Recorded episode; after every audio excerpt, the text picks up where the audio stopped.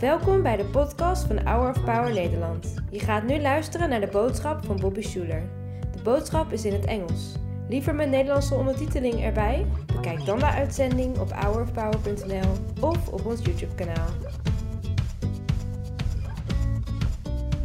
Well, we're so thrilled to welcome back again Tim Timberlake to Shepherd's Grove. Tim's an author and a lead pastor of Celebration Church, which has its location in Jacksonville, Florida, and Creedmoor, North Carolina. Please welcome with me Tim Timberlake.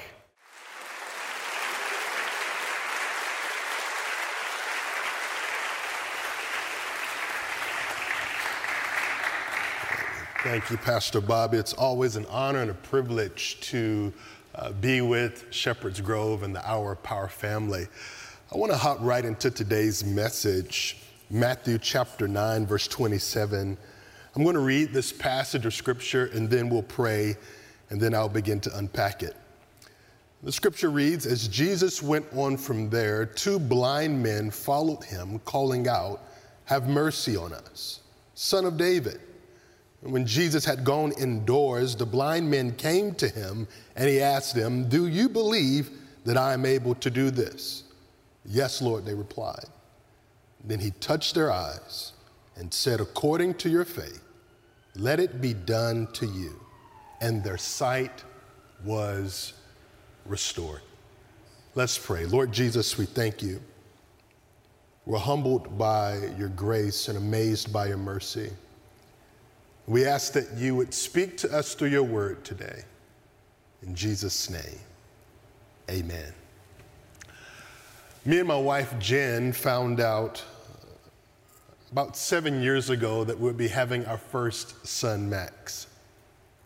As we began to go through the process of preparing and making preparations in our home for this bundle of joy that we were expecting, the doctors begin to tell us to do something pretty unique and, and pretty interesting to me. They said around the three month mark, we want you to start to speak to the baby so that he can learn your voice. And so, like a crazy man, I began to put my ear to her belly and I began to look at the stomach that seemingly looked like nothing was going on inside.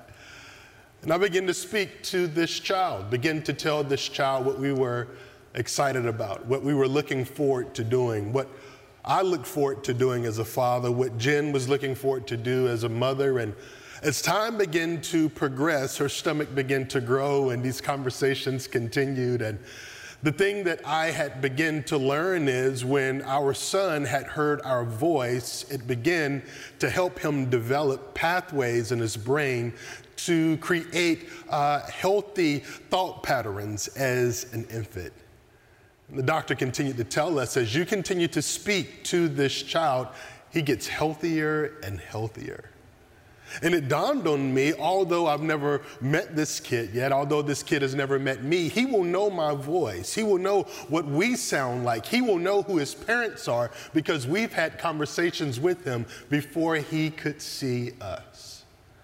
As we read this passage of scripture, I find the same thing very similar with Jesus. There are two blind men, and these two blind men are calling out to Jesus. And it, says something unique. It says that they follow Jesus. And as I read this, it dawned on me how can two blind men follow Jesus? How can two blind men follow Jesus not just a couple of steps, not, not just a couple of paces, not just through, through a couple of, uh, uh, uh, feet? They followed Jesus for some time. Scripture says they followed him inside of a house. The second thing that stuck out to me, they called him the son of David, which is an indicator that they knew who he was and they knew what he was capable of doing. I believe they knew who Jesus was because they could identify his voice. One of the things that I've come to learn is that our destinies are decided by whose voice we listen to. The voices that we listen to will determine the destinies that we experience. If we listen to the wrong voices, we will receive the wrong outcomes. But when we listen to the voice of God, he helps us navigate this crazy world, and He helps us to navigate this crazy life. The Word of God teaches us that our faith grows by hearing the Word of God. It says it twice faith grows by hearing and hearing the Word of God. So if our faith grows by hearing the Word, our doubt grows when we don't. The scripture says here in Matthew chapter 9, Jesus asked the question, verse 28 Do you believe that I am able to do this? Yes, Lord, they replied. And then he touched their eyes and he said, According to your faith, let it be done unto you.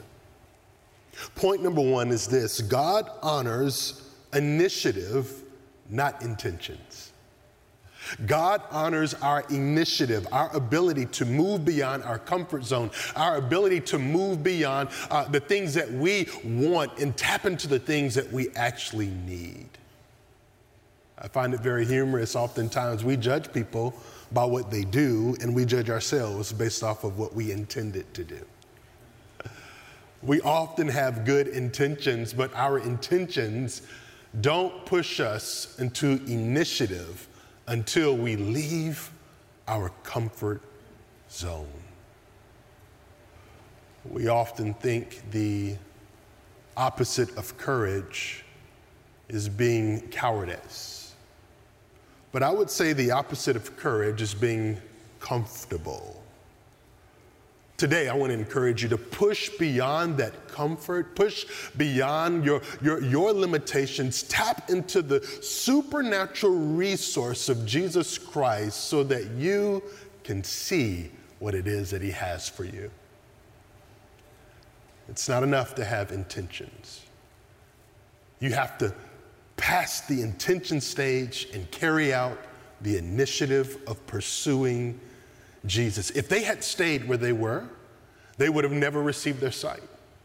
But the fact that they took initiative to not only get up, not only to pursue Jesus, but to follow Jesus. And the Word of God says they called out. That word called out in the Greek is chryzo, which means to cry aloud. They cried out to Jesus and they called him the Son of David, declaring, We know who you are, we know what you're capable of doing. Have mercy on us.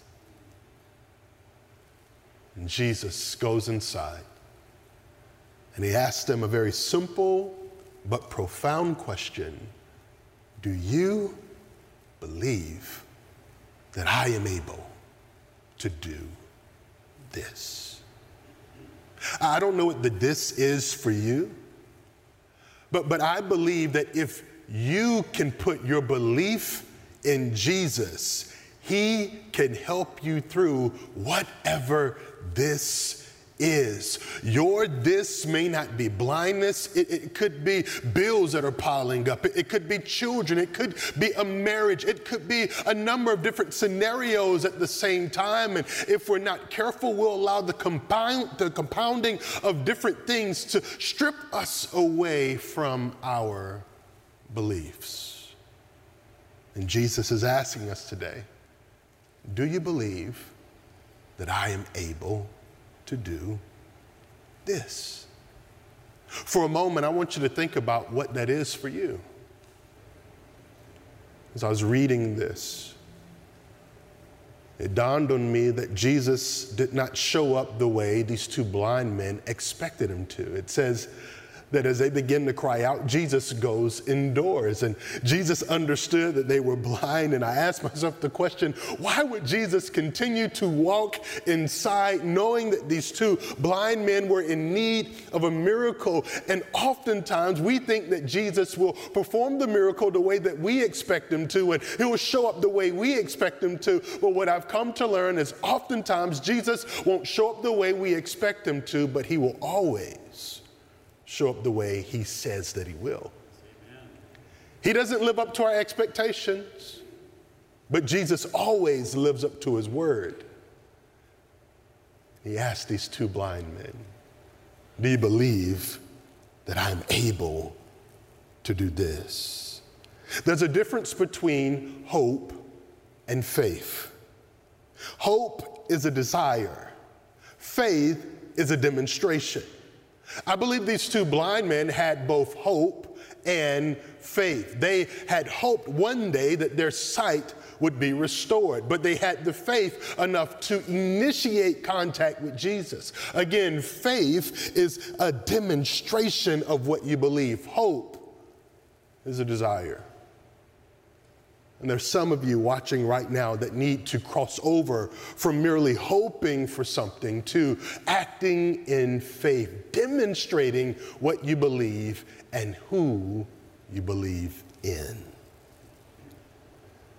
I want you to write this down, point number two. Your in look determines your outlook. Growing up in the South, my grandmother would often roll lemons to make homemade lemonade. It was one of my favorite things to watch her do. She would take a bag of lemons and she would begin to spread the lemons out on her kitchen counter and she would begin to take the palm of her hand and roll the lemons all the way down to her elbow. And I would ask her, Grandma, what are you doing? She says, Well, I'm preparing the lemons to be squeezed.